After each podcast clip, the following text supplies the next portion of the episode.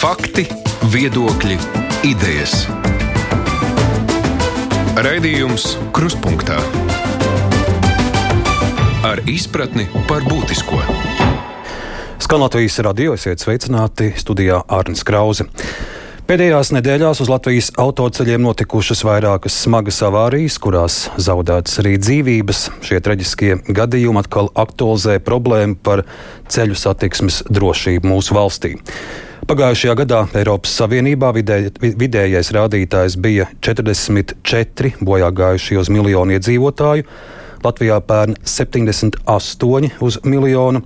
Vissliktākā situācija Rumānijā tur reģistrēti 90 bojāgājušie uz 1 miljonu iedzīvotāju. Bet arī mēs šajā melnajā statistikā tālu no Rumānijas neatpaliekam.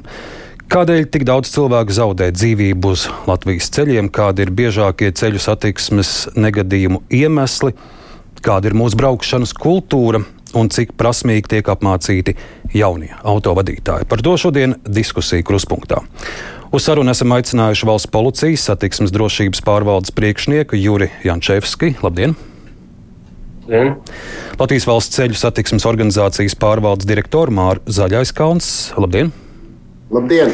Un šeit studijā man pievienojas arī Jānis Vanks, drošas braukšanas skolas direktors. Sveicināti! Sveiki! Es sākšu ar valsts policijas pārstāvi Pēdējās dienas statistika. Vidzemē otrdienas satiksmes negadījumā gājis bojā viens cilvēks, kaut kur pagastā vīrietis vadot motociklu pa pļāvu un bez aizsarga ķiveres iebrauca uz lauka esošajā krūmājā, krita un no gūtajām traumām mira. Aizvadītajā diennaktī valstī kopumā reģistrēti 120 ceļu satiksmes negadījumi, kuros cietušas sešas personas. Diennakts laikā satiksmes jomā pieņemti 344 administratīvo pārkāpumu lēmumi, tajā skaitā 135 par ātrumu pārsniegšanu, 5 par automašīnas vadīšanu alkohola reibumā un 2 par agresīvu braukšanu. Vai šī ir tāda klasiska diena uz Latvijas ceļiem? Vakardienas statistika. Agresīva braukšana, reibums un, diemžēl, arī nāves gadījums. Uh, braukšana reibumā, agresīva braukšana, citi pārkāpumi, ātruma pārsniegšana, diemžēl tā ir uh, klasiska ikdiena jau katru dienu. Uh, protams, ka nedēļas nogalē brīvdienās šie pārkāpumu skaits pieaug. Viņi arī pieaug, jo mēs uh, intensīvāk pievēršamies kādai konkrētai jomai, tad šo pārkāp, aizturētā pārkāpēju skaits ir uh, lielāks. Ja mēs runājam vispār kopumā par šī brīža situāciju, tad šobrīd uh, kopumā negadījumu skaits ir pieaudzis nebūtiski, bet, diemžēl, ir pieaudzis to negadījumu skaits, kuros cilvēki ir cietuši. Tas ir šogad mums palielinājies krietni. Savukārt bojāgājušais skaits, diemžēl, ir joprojām tādā pašā līmenī kā iepriekšējā gadā. Es raugos uz Latvijas ceļu satiksmes drošības plānu. Tā mērķis 2022. gadam ir nepārsniegt 65 bojā gājušos uz miljonu iedzīvotāju. Nu, šī brīža tendence esam gada vidū liecina, ka, diemžēl, šī plāna mērķis visticamāk šogad sasniegt neizdosies. Laikam pagaidām pat negribās arī tā prognozēt to sliktāko situāciju, jo tomēr tās ir cilvēku dzīvības. Bet, ja mēs skatāmies šo, te, šī, šo pirmo pusgadu, tad, jā, diemžēl šis skaits ir identisks iepriekšējā gada pirmajam pusgadam. Un, ņemot vērā, ka šobrīd ir sācies šis atvaļinājuma laiks, vasaras laiks, tad šī tendence ir ļoti līdzīga kā iepriekšējā gadā, kad arī tieši ar jūnija mēnesi šis bojāgājušais skaits palielinājās. Ja mēs analizējam uh, pēdējās lielās nelaimes uz Latvijas ceļiem, kas uh, plaši tika atspoguļots arī medijos, uh, gan avārija uz Liepājas šosejas, gan traģiskais negadījums, kur bija iesaistīta neatliekamās medicīniskās palīdzības automašīna. Kādi ir pirmie secinājumi par šīm traģēdijām, kuras policija var izdarīt? Plašāk nevarēšu jums komentēt, jo šajās lietās ir uzsākta krimināla procesa. Bet, eh, protams, kad eh, sākotnējās versijas, kā viena no versijām, tiek izskatītas šie te, eh, kā cēlonis šiem negadījumiem, tieši šis apzīšanas manevrs. Bet papildus šeit ir jāsagaida šīs ekspertīzes, un tālāk jau būs šie secinājumi zināmi mazliet skaidrāk. Bet tieši smagajām negadījumām, jā, protams, tendence ir tieši ātrums, apzīšanas manevrs, kas arī ir faktiski iemesls šim frontālajām sadursmēm. Jānis Vanks, drošas braukšanas skolas direktors Jāni. Kā mēs jau dzirdējām no policijas pārstāva, visticamāk šo nelaimi iemesls varētu būt apdzīšana, un tas ir iemesls ļoti daudzām nelaimēm un arī traģēdijām uz Latvijas ceļiem. Jūs par apdzīšanas manevru veikšanu arī daudz līdz šim esat publiski runājis, cik prasmīgi vai biežāk neprasmīgi ir Latvijas autovadītāji izvēloties apdzīt priekšā stāvošu automašīnu. Jā, nu runa ir uh, ne tikai par prasmēm, bet arī par uh, nu, situācijas novērtēšanu un uh, nu, teiksim, lēmumu pieņemšanu kā tādu. Jo bieži vien nu, ir man jau vairāk kā 20 gadus vadīta apliecība. Un, um, un um, bieži vien uh, cilvēki izvēlās, nu, es esmu redzējis dažādas tos izgājienus, ja tā var teikt, ja, uz šosejām. Uh, Nu, kādi ir tie raksturīgākie? Nu, vis, Vistrakākais vis ir, kas sāksim ar to, ka šīs nelaimes, tās lielās avārijas, kas notiek ar, ar, ar cietušajiem un bojā gājušajiem, Uh, visbiežāk ir tieši, kā, kā, kā, kā, kā te teica, frontālā sadursme un tā tālāk. Tas nozīmē, ka apzīšanas manevrs ir es teiktu, visbīstamākais manevrs vispār satiksmē kā tādā. Kāpēc? Tāpēc, ka bieži vien tas nozīmē iebraukšanu pretējās kustības joslā. Un tajā kustības joslā pavadām kaut kādu brīdi, kaut kādu ilgāku vai mazāku periodu laika, lai mēs varētu veikt šo apzīšanas manevru. Un, ja tur kaut kas nesanāk, Ja, tad, tad, tad, diemžēl, te, šī te sadursme vienmēr ir ļoti, ļoti smagām sekām. Un tad vienmēr ir tas jautājums, kur mēs steidzamies. Ja? Tad ir tas jautājums, vai šī situācijas izvērtēšana, ne, nedaudz pagaidīšana. Varbūt tiešām, ja nepieciešams apdzīt, tad apdzīšana drošā ceļa posmā, pārredzamā. Vai, vai, vai šī steiga pārliekā ir tā, ir, ir tā riska vērta, jo tas risks ir milzīgs. To cilvēki vienkārši neapzinās, bet risks ir milzīgs, ja, jo sekas ir ārkārtīgi smagas. Un, un, un tad mēs vēl ņemam zinot to, kā mums ir arī ceļu infrastruktūra sakārtota, tad mēs ņemam vēl pienākošos ceļus, no kuriem arī var izgriezties kāda, kāda automašīna. Un, ja mēs esam pretējā joslā, parasti automašīna, piemēram, no kreisās puses, ja, ja griežās ārā, viņi paskatās pa kreisi, viņas joslā neviena nav, viņi var griezties ārā. Un bieži vien autolītais pa labi nemaz nepaskatās, ka kāds varbūt tur veids apzīšanas manevru tajā brīdī. Ja? Un daudz šādas, šādas mazās lietas, kas īstenībā rezultējas ārkārtīgi smagos notikumos. Un tad vēl ir horizontālais ceļu marķējums, kas faktiski tāda sajūta, ka tas ir uzzīmēts nezinu kam. Ja, kaut gan tam ir tieši tikpat juridisks spēks, kā jebkurai ceļa zīmē, luksusforam vienalga, kas tas nebūtu. Ja. Nu, jā, apzīšana līkumos, vairāk automašīnu apzīšana pēc kārtas, nu, kas saistās noteikti arī ar lielu pātrinājumu, attiecīgi ar lielu ātrumu pārkāpumu tajā brīdī manevrē. Ja? Nu, tās visas lietas, kuras mierīgi var nu, de, līdz desmit noskaitot un pagaidot, atrast tomēr to drošāko vietu, kur apdzīt, ja tiešām tāda nepieciešama ir.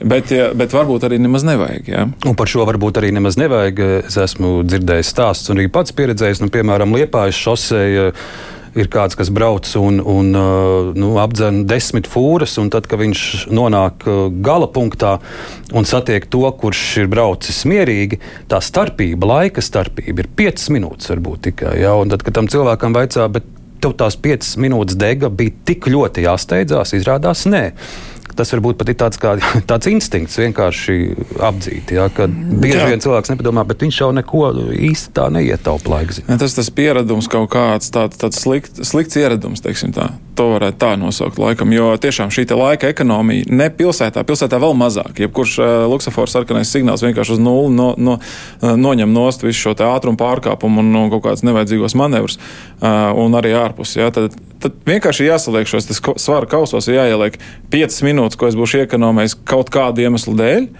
vai tas, ka es nezinu, stundas braucienu laikā 10 vai 20 reizes es riskēju faktiski ar savu dzīvību un ar citu dzīvības ja, satiksmes dalībnieku. Nu, tad jautājums, vai, vai tas ir tā vērts. Nu, vēl dažreiz ir tāds varbūt tāds psiholoģiskais moments. Nu, man, piemēram, kā autovadītājam, es braucu, ir šie 90, bet uh, man aizmugurē ir kāda mašīna, kur tur bakstās, tā kā, tā kā mani tā kā mudina.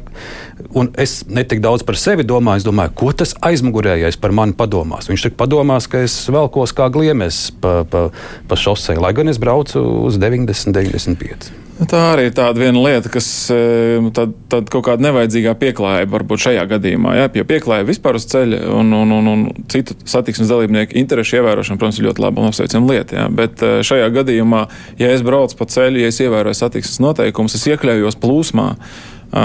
tad man nevajadzētu uztraukt tam, kas notiek man automašīnas aizmugurē, izņemot to, ka pa laikam man ir jāpārbauda atpakaļ skats poguļi, lai vispār es novērtētu kopējo stāvokli, kas notiek ap manu automašīnu. Es sarunas turpinājumu uzrunāšu arī Māri Zaļaiskalnu no Latvijas valsts ceļiem satiksmes organizācijas pārvaldes direktors. Māri, nu, ir trīs svarīgas lietas ceļu satiksmē, protams, paša autovadītāja prasmes, arī automašīnas tehniskais stāvoklis ir no svara, bet arī ceļu infrastruktūra. Cik daudz Latvijas valsts ceļi ir darījuši, lai mūsu ceļi būtu nevien gludi, bet arī droši?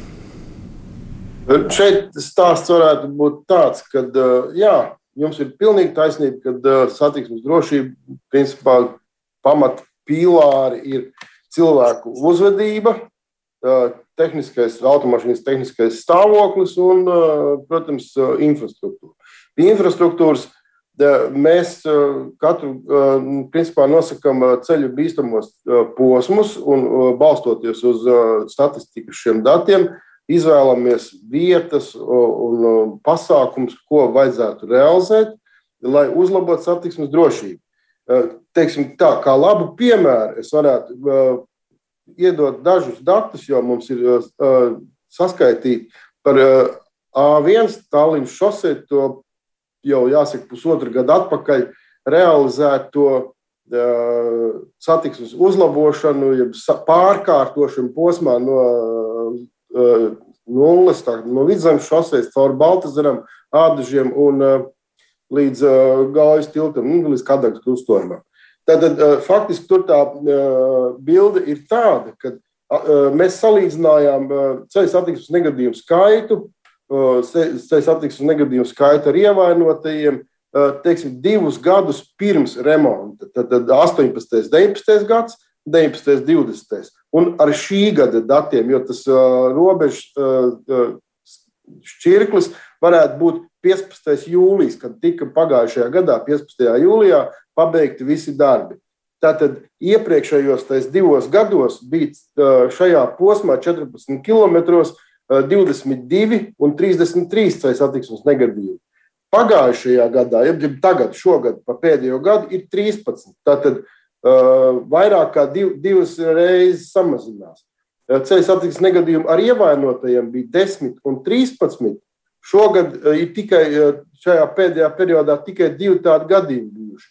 Eh, kur kopā ir ievainoto skaits tikai trīs cilvēki, un pirms tam bija 13 un 16. Tātad, eh, veicot šādas infrastruktūras sakārtošanas eh, darbus, mēs būtiski varam palielināt satiksmes drošību. Nu, tad miniet arī konkrēti, kas ir tie, tie konkrētie darbi, kas ir veikti. Vai jūs esat liekas, samazinājuši tas, kreisos pagriezienus, vai apļi izveidoti, vai kas? Diezgan, diezgan, diezgan populārs stāsts bija uh, par to arī mēdī rakstīja, un no sabiedrība bija ļoti ieinteresēta. Uh, tas ir uz uh, Tallinas šoseis no, no sākuma līdz gājas tiltam, tika principā aizliegti lielākoties kreisie pagriezieni un tika novērsta šī iespēja veikt apdzīšanas manevrus. Kā arī tika palielināts braukšanas ātrums no 70 līdz 80 km/h, bet ar visu to negadījumu skaits, kas ir tās frontālās sadursmes un, un tam līdzīgi, un kreisie pagriezieni, būt ļoti būtiski samazinājās. Iemesls, kāpēc mēs to vispār šo pasākumu organizējām, bija tāds, ka šajos 14 km bija sešas bīstamās ceļu vietas, kur notiek, notika paaugstinātā skaitā ceļu satiksmes negadījumu. Tā kā nu, tautā sauktie melnie punkti. Pēc šī pasākuma veikšanas, pasā, es, es domāju, ka mēs esam jautājumu atrisinājuši. Protams, ir varbūt sūdzības par to, ka caurlaides, caurlaides spēja tur nav nodrošināta, bet šie pasākumi, tā kā jau, jau jūs runājāt, ir laiks, tas ir tikai tās piecas minūtes, varbūt desmit minūtes lēnāk, bet absolūti drošāk. Es uh, gribēju vēl par to, ka bija runa par uh, ātrumu, par tām minūtēm, ko varbūt var vinnēt. Mūsu Latvijas valsts ceļiem ir mājaslapā, online tiek elektroni, nu, attālināt, uh, vērtēts, mērīts, kāds ir vidējais braukšanas ātrums. es gribētu par to A9, respektīvi Rīgas liepājas ceļu, 13. kilometrā ir uzstādīta šī stacija. Un šodien vidējais ātrums pat pašreiz pēdējās stundas laikā ir 91 km. Pirms tam bija 93,2, 94, 5, 98, 9. Un, un ko, tas, ko tas rāda? Ne, tas rāda to, ka, lai apdzītu šo vidējā ātrumā esošo plūsmu, ir jābrauc vispār 110, 115, varbūt vēl vairāk. Un tas ir tas stāsts par to, ka uh, ir ļoti bīstami šie manevri, un vinnēts jau tur netiek gandrīz nekas, tāpēc, ka tā plūsmas ātrums jau ir uh, tāds, kāds nu, viņam būtu jābūt pēc gan satiksmes noteikumiem, gan arī pēc normālas plūsmas. Mēs pieminējām arī šīs pēdējās, pēdējo nedēļu traģiskās avārijas, vai jūs arī Latvijas valsts ceļos analizējat šos negadījumus, biežākās vietas, kur ir šie melnie punkti un kāda tad ir jūsu rīcība pēc tam? Jā, mēs analizējam šīs vietas. Katrā gadījumā mēs vērtējam, kāda ir iespēja mums kaut ko uzlabot šajā posmā. Piemēram, nu, par šo pēdējo liepājas ceļu gadījumu. Nu, tur ceļa infrastruktūrai neko vairāk izdarīt nevar, kā tikai, ja vispār iet runa par pārbūvēt viņu par ātras satiksmes ceļu ar divām atdalītām brauktuvēm.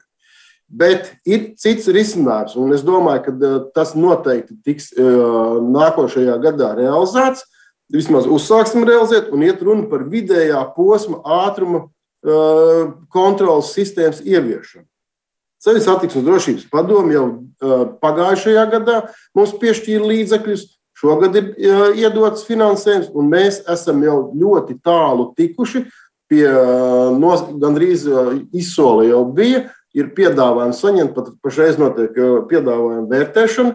Un esam tālu tikuši jau pirmajiem 16 posmiem, kur tiks uzstādīts šīs vidējā ātruma kontrolas sistēmas, kas mūsuprāt, principā šo plūsmu uh, nomierinās. Jo nav jau vairs nekādas uh, jēgas apdzīt, jo tādā veidā tu nokļūsti zem šī jo, nu, radara sistēmas so, so, soda, uh, soda. Paldies, Līdz tik tālu. Paldies jums. Es turpināšu ar valsts policijas pārstāvi.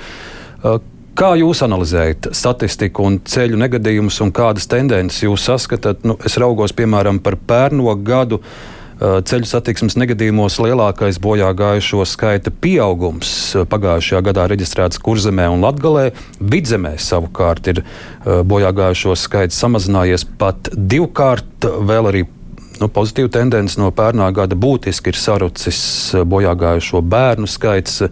Jūs noteikti analizējat, kādēļ, kādēļ piemēram, vidzemē divkārt samazinās upuri, bet, piemēram, eh, Latvijā būtiski pieauga.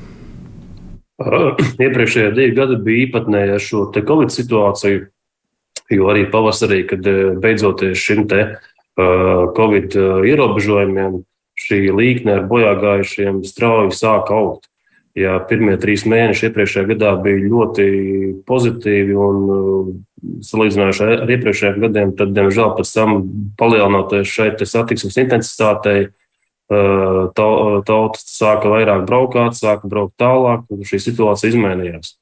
Uh, pa reģioniem šie, šo bojāgājušo skaits tas ir tā, tieši tāpat kā šobrīd, tas ir tā, tā, tā mainīgi. Un te arī ir atkarīgs no, no, no, šie, te, teiksim, no šiem apstākļiem. Eh, par pašiem negadījumiem iemesliem, protams, smagajiem negadījumiem apmēram 60% iemesls ir šie ātruma pārsniegšana. Un tālāk jau iet apzīšanas manevri un tam līdzīgi, neuzmanība un viss pārējais. Mēs redzam arī, ka policija pēdējā laikā aktīvi izmanto dronus, lai uzmanītu satiksmi un arī pieķertu pārgalvīgus braucējus, vai jūs uh, šādā veidā ar droniem spējat arī izķert šos agresīvos apdzinējus? Jā, arī izmantojot šo tehnisko iekārtu, tiek uzraudzīti arī šie agresīvie braucēji, tā skaitā šie aizliegti apzīšanas manevri, jo faktiski, laikam, tikai strādājot ar šādām metodēm, var kaut kādā veidā ietekmēt šos te šo kategoriju vadītājus, kuri klāji ignorē šo satiksmes drošību. Jā, es turpināšu cenu ar jums, un mums arī ļoti aktīvi klausītāji iesaistās un raksta e-pastā. Es jau pat vairs nevaru saskaitīt. Te ir virkne e-pasta, kuri, kur, kur cilvēki raksta, tās ir muļķības, ka var ietaupīt tikai 5 minūtes apdzenot, var ietaupīt vairāk, bet stāsts jau ir par to, nu labi, var ietaupīt nu, 10. Bet, bet uh, ko tu ietaupi? Un, nu, Es saprotu, ja vēl lidmašīna, uz lidmašīnu jāsteidzās, ir jāskrien, jā, vai, vai, vai uz dzemdībām. Nu, ir tādi daži izņēmumi, bet, Bet eh, ko, ko mēs īsti ietaupām? Es domāju, ka mēs neietaupām neko. Ja mums, mēs gribam uh, droši nokļūt gala punktā, tad tomēr ir jādomā ar galvu. Un, uh, tas ir viens, bet uh, burtiski nedēļa atpakaļ lika aizdomāties vienu citu lietu. Mēs brauc, es braucu pa uh, pa šosei, tā saucās Vidzemes šosei, laikam, kas ir caur Siguldi, ja, un, un tur ir ceļa posms, kurā atļautais ātrums ir 110. Ja, tur ir divas joslas, tad attiecīgi tur apzīšanas, apsteigšanas manevri noteikti, tur, tur nav jāiebrauc pretējā braukšanas joslā, bet um, Neskatoties to, ka atļautais ātrums ir 110, labajā joslā bieži vien automašīnas nebrauc vairāk par 100. Un tad eh, es eh, no sākuma es analizēju un domāju, kāpēc tā, kāpēc tā ir noticis. Jo faktiski jau vienmēr jau sūdzējās par to, ka tagad tehnoloģijas ir attīstījušās, automašīnas var braukt ātrāk, viņas ir drošākas, un kāpēc ir tie 90. Ja? Un tagad ir iedoties 110, un tā kā kaut kāda daļa auto to neizmanto. Un eh, viens no iemesliem, viens no minējumiem ir arī degvielas cenas. Ja, jo braucot ar automašīnu uz 110 vai braucot ar automašīnu uz 90, ir, ja ir jānobrauc diezgan garš ceļa posms, ja, tur var iekonomēt, no nu, atkarībā no automašīnas, var iekonomēt diezgan daudz degvielas. Un, uh, tas savukārt pie esošām degvielas cenām arī uh, nu, ir diezgan jūtama Kurš lieta. Tas ātrums, kur jūs rekomendējat tāds degvielas taupošākais? Uh, nu, Ja, Droši vien katrai mašīnai ja, ja tāda ātruma ir atļauta, jā, katrai mašīnai ir dažādi, bet teiksim, tā, 70 vai 90 km/h faktiski tajās robežās tā, tā, tas ir tas ekonomiskākais, laikam, ne, neraustot automašīnu, ja, braucot vienmērīgi plūsmā. Tas, tas varētu būt tāds ekonomiskākais variants, kā pārvietoties. Ja. Nu, es jau un, redzu, tūlīt jau būs atkal virkne rēpastiem. Kādi 70 te jau cilvēki ne, raksta? Es arī taču... nekādā gadījumā neaicinu cilvēkus braukt pa šosejām -hmm. ar, ar, ar, ar krietni mazāku atļautu ātrumu. Tas atkal sabojā plūsmu un rada ne negatīvu auru vai, vai teiksim, situāciju uz ceļa. Rada nevajadzīgas apzīšanas. Cilvēki raksta, ka Bet ko darīt? Kā neapdzīt, ja, ja ir šie, kā te raksta, uh, sestdienas, svētdienas braucēji, kas brauc tikai uz saviem dārziņiem, un viņi kā man te raksta, velkās ar šo 70, nu, nevar neapdzīt. Un otrs stāsts no cilvēkiem, ko es redzu par uh, smago mašīnu, par fūru apdzīšanu, ka mm, cilvēki raksta, ka nemaz jau tik droši nav arī braukt ar šīs fūras, ka bieži vien tur nesot arī bremžu uguņu kārtībā un tā tālāk, un, un, un ceļš nepārredzams. Nu, Pirmkārt, ceļš nepārredzams un bremžu uguņu tā ir distance. Absolūti viennozīmīgi. Kraus automašīna nevar apstāties tik strauji kā vieglajās auto. Jā, tas nozīmē, ka faktiski, ja mēs nespējam noreģēt uz to, ka bremzē kraus automašīna, tas nozīmē, ka mēs neieturam vienkārši pietiekami drošu distanci līdz, līdz priekšā braucošai automašīnai. Ja? Tas pats ir arī par redzamību.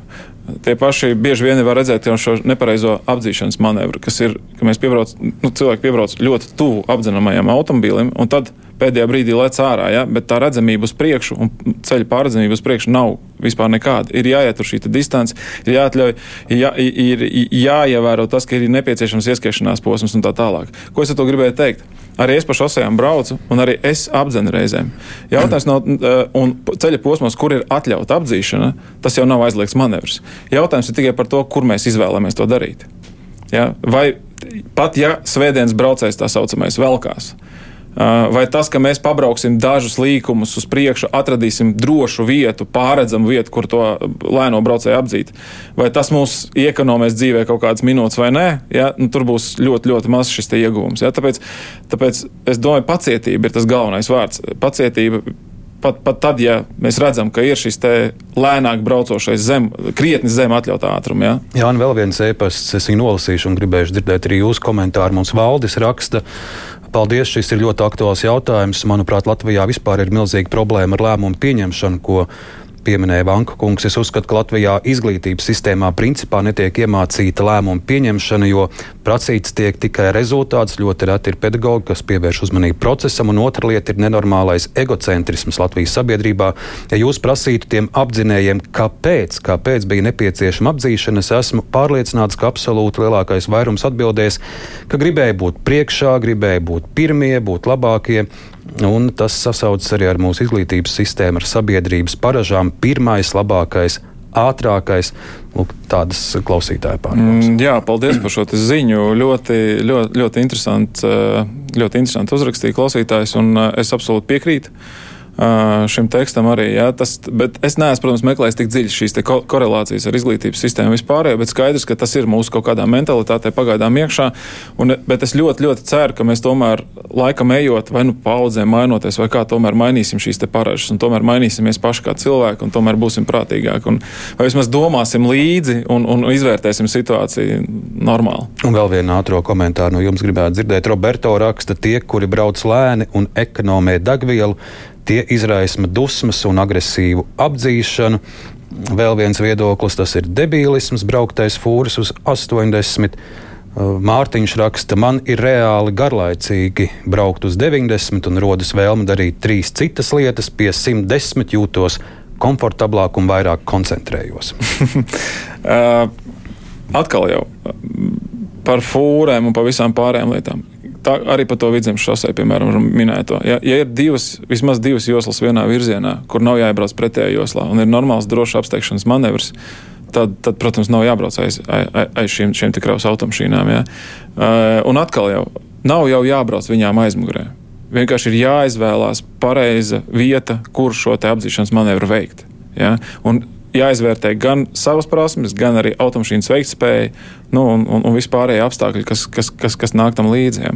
Tā, tāpēc es neaicinu braukt aiz vai kaut kā tam līdzīga. Ja. Es vienkārši aicinu izvērtēt situāciju un pieņemt normālus lēmumus un darīt to tur, kur tas ir maksimāli droši.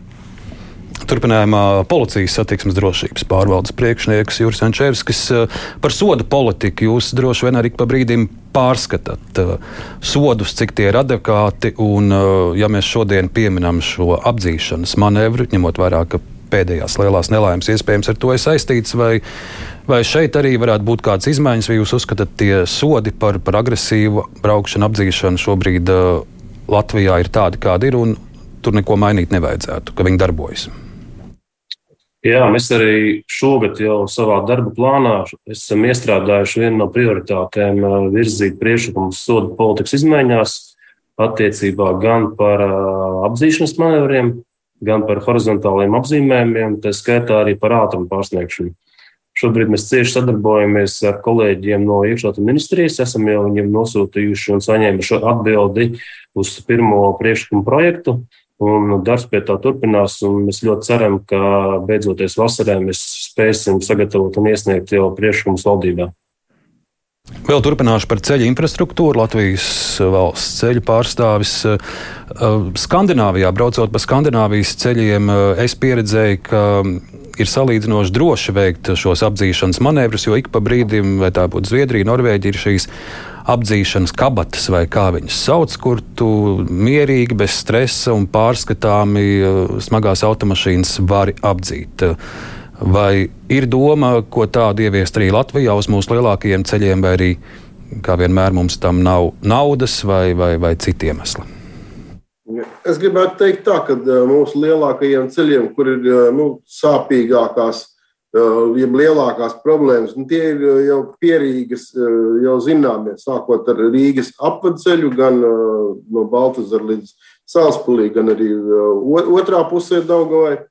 Tāpat iet runa par Bauskas virzienu un, un, un, un, un to pašu A1, Rīgas Tallinas virzienu. Eh, mums uh, ir jau iesākti darbi, ir pasūtīts ietekmes vidas novērtējumi uh, šo ceļu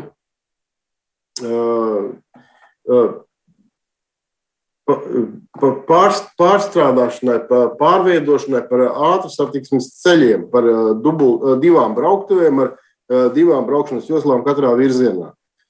Tā kā plāni ir jau būtībā visi, jau, kas teiksim, Bauskas virzienā brauc, jau redz, ka ķekavas apvedceļu būvē, kas jau būs, ja var teikt tā, pirmais Latvijas ātrgaitas ceļš, jo arī posms no Rīgas līdz ķekavai, līdz Rīgas apvedceļam šajā virzienā arī ir viens no visbīstamākajiem posmiem Latvijas valsts ceļos vai, teiksim, ceļa posms, kur ir notikuši ļoti, ļoti daudz satiksmes negadījumu. Varbūt viņi nav tur uh, tīri tādi letālām sekām, bet pie tās satiksmes intensitātes un uh, esošās apbūves, uh, blakus esošās ceļam infrastruktūras pēc. Šis ir tiešām viens no tādiem sarežģītākajiem posmiem. Nu, lūk, jūs pieminat šo ķekavas posmu, vai jūs varētu mums arī noraksturot, kuri jūsuprāt, kā speciālisti redzējumā, ir šobrīd drošākie Latvijas ceļi, un kur jūs redzat, ir tādi, kur, kur nu, ja vien būtu finanses, jūs nekavējoties ķertos klāt pie, pie satiksmes drošības uzlabošanas? Nu, pat, pat, pat, pat lielākā problēma uz šodien ir Rīgas apceļš. Rīgas apceļš sākot no Vidzemes šoseis, no Baltazara līdz Salaspilī. Eh, kur ir eh, četri luksofori un vēl pāris ļoti intensīvi krustojumi, eh, ļoti liela satiksmes intensitāte. Tāpat tās, tas pats Rīgas Tallinas virziens. Līdz, līdz ādažiem tur būtu nepieciešams, ja arī mēs esam uzlabojuši satiksmes drošību, tad caurlaides spēja un satiksmes intensitāte, kāda tur ir, arī prasa, protams, citus risinājumus. Turpināšu ar drošas braukšanas skolas direktoru Jānu Vankasaru un Jāni vēl daži e-pasti, piemēram, viesturs raksta. Arne, vēl ir tāda lieta, mēs no autoskolas nolikām 16 cilvēku eksāmenu bez neviena apdzīšanas manevra uz šoseis. Gan mācoties, gan eksāmenos šādas prasmes mēs neapguvām, un Jānis raksta, ka Esmu šoferis trešajā paudzē, esmu izbraucis visu Eiropu ar fūri. Mums jāsāk ar instruktoriem, kuri nemaz autoskolā nemāca apdzīt, un daudziem instruktoriem pašiem ir problēmas ar drošu braukšanu. Es mūsu sarunā šodien arī vēlos uh, pieminēt uh, to, kādas ir mūsu jauno autobraucēju prasmes, jo tieši šobrīd, uh, vasarā, it sevišķi tie, kas beidz 12. klasi, mm, dodas uz autoskolām un, un ko autoskolās mācām tieši par uh, drošu apdzīšanu. Jā, Latvija ir tāda interesanta vieta, kur ir ļoti, ļoti daudz autoskolu un ir ārkārtīgi liela. Mm, nu, ārkārtīgi liela atšķirība apmācību procesiem un apmācību kvalitātei starp vienu vai, vai otru autoskolu. Un, uh, uz doto brīdi arī nu, īsti nav tāda pārliecība, ka tas arī kaut kādā veidā var tikt kontrolēts un uh, var tikt pārbaudīts. Uh, Katrā ziņā nu, ir jāvēršās arī tieši tā pret, arī pret instruktoriem, pret viņu darbu, jo tomēr. Um, Patiesībā es vienmēr ik, ik pa laikam, jāsaka, tā salīdzinu šo autovadītāju apliecības iegūšanu apmēram tādā pašā līmenī kā ieroču nesāšanas atļauja, piemēram. Ja, jo jo gal beigās autovadītājs ar, ar automašīnu braucot ir. ir Nu, ir potenciāls noziedznieks, ja tā var teikt. Jā, tas izklausīsies varbūt nepareizi, nevarēja atrast pareizos vārdus. Katrā ziņā var nodarīt ļoti lielu skādu gan sev, gan citiem. Un, um, Tāpēc ir ārkārtīgi ļoti, ļoti liela atbildība jāsagatavo šeit autovadītāji, jāsagatavo maksimāli visiem iespējamajiem. Uh, iespējamajiem, uh, iespējamajiem situācijām, ko var vispār paredzēt uh, satiksmē. Ja? Un te ir tas aicinājums autoskolām tomēr, jo ir divas, divas lietas ļoti būtiskas. Viena lieta ir tāda, ka var iemācīt jaunu autovadītāju nolikt eksāmenu, un otrs jauno autovadītāju iemācīt braukt un piedalīties droši satiksmē. Un tās, diemžēl, nav viena un tā pati lieta. Un tāpēc es noteikti aicinātu autoskolas vairāk pievērsties, varbūt mazāk uztraukties par savu statistiku un kaut kādām citām, eh, citiem ķeksīšiem, eh, un vairāk tomēr ar atbildību sagatavot jaunos autovadītājus visādiem dzīves, visādiem dzīves situācijām. Bet kā, nu, es, protams, nevaru pārbaudīt viesturu rakstīto, bet, bet viņš saka, ka 16 cilvēki ir nolikuši autoskolā eksāmenu nereizi uz autoceļa neveicot uh, apdzīšanas manevru, instruktors nav bijis blakus un, un devis padomus, kā to pareizi darīt. Kā nu, tāda situācija var būt? Ļoti grūti izskaidrot, jo es zinu, ka mēs mūsu autoskolā uh, braucam uz šosejām arī un, un, un strādājam pie tā, lai, lai šeit apdzīšanas manevri vai vismaz izskaidrojam, kā, ja, jo, ja, kā rīkoties vai kā pieņemt lēmumus šādās visādās situācijās. Te ir noteikti arī jautājums. CSDD eksāmenu pieņēmējiem vai ne, vai, vai tiešām, nu, jo, jo faktiski tam, šim punktam arī būtu jābūt eksāmena, eksāmena saturā. Jā? Tā kā, tā kā nu, grūti pateikt šajā gadījumā, ka tieši, tieši tik daudz cilvēku un neviens nav izbraucis uz šosei un, un, un, un tā, bet nu, katrā ziņā es varu runāt tikai par mūsu autoskolu, un mēs, mēs, mēs noteikti braucam uz šosejām ārā, un, un es aicinātu arī citas autoskolas pievērst tam uzmanību. No ļaudīm tās pieredzes ir dažādas. Toms raksta, ka viņam Liepājā instruktors skaidri pateicis, ka iemācīs tik, cik vajag eksāmenam pārējo lai mācās. Nu, tas, diemžēl, arī tā. Valsts policijas pārstāvjiem man vēl jautājums, ko rāda jūsu statistika par šiem negadījumiem un smagajiem negadījumiem? Kādas ļaužu grupas tajos uh, ir iesaistītas? Vai ir tā, ka tiešām uh, ne, ne, nu, iekrīt uh, uz, uz šiem manevriem un ir problēmas ar tiem, kuri tikai nesen ir ieguvuši autovadītāju apliecību, vai varbūt gluži pretēji jaunie braucēji ir piesardzīgi, ir prātīgi, bet bravūrīgākie ir tie, kuri, kuriem ir 20, 30, 40 gadu stāsts. Ko rāda statistika? Kādu laiku atpakaļ mēs pētījām šos smagos negadījumus, un tur, diemžēl, lielākoties šie bija vadītāji līdz 31 gadu vecumam, kuri izraisīja šos negadījumus. Tā tendence bija tāda, ka, diemžēl, daļai šiem vadītājiem ar katru gadu šī statistika vai attieksme pret satiksmes drošību, pret pārkāpumiem bija tendence pasliktinājās. Tad viņš bija tendēts uz pārkāpumiem. Savukārt, ja mēs skatāmies vadītājus, kuri bija reibumā, tad tur atkal, diemžēl, ir otra, otra kategorija. Tie ir vecumā atkal no 30 līdz 50 gadu vecumam vīrieši. Tā kā nu, šie skaidri pagaidām izskatās šādi. Bet tātad tieši, kas iekļūst avārijās, smagajās, tie tomēr ir gados jauni, jaunāki autobraucēji. Jā, pēc tā pētījuma mēs izsmeļām, ka tas ir tā. Un, un, un grūti, grūti saprast, kāpēc tieši tas ir tas vecums, vai tas ir prakses trūkums, vai tā ir pārgalvība, vai tas ir neuzmanība. Bet nu, droši vien tas ir no katra faktora mazdrusciņa. Daci mums arī raksta, ka ceļu satiksmes drošībā vērā ņemams būtu Somijas piemērs - stingra ātruma ievērošanas kontrole. Somijā plašs radaru tīkls un efektīva sodu sistēma. Ja pat par 5 km/h ir pārsniegts ātrums, autovadītājiem tas jau izmaksā 140 eiro. Bargi sodi un plaša radaru sistēma. Jā, tehniskie līdzekļi, tas ir mūsu palīgs. Mēs arī ļoti ceram uz satiksmes ministrijas un Latvijas valsts ceļu šo nākošā gada projektu par vidēju ātrumu posmiem, kas arī cerams samazinās šo statistiku uz labo pusi. Jo, kā piemērs, mums jau viens ir 19. gadā par šo vidēju ātrumu posmu. Tāpēc arī skatīsimies, kāds būs rezultāts ieviešot šo tehnoloģiju. Protams, arī paralēli mēs vērtējam šo atbildību daļā arī par ātrumiem. Kā iepriekš minēju, šajā mūsu piedāvātajā projektā būs arī sodu politikas izmaiņas par ātrumu pārkāpumiem.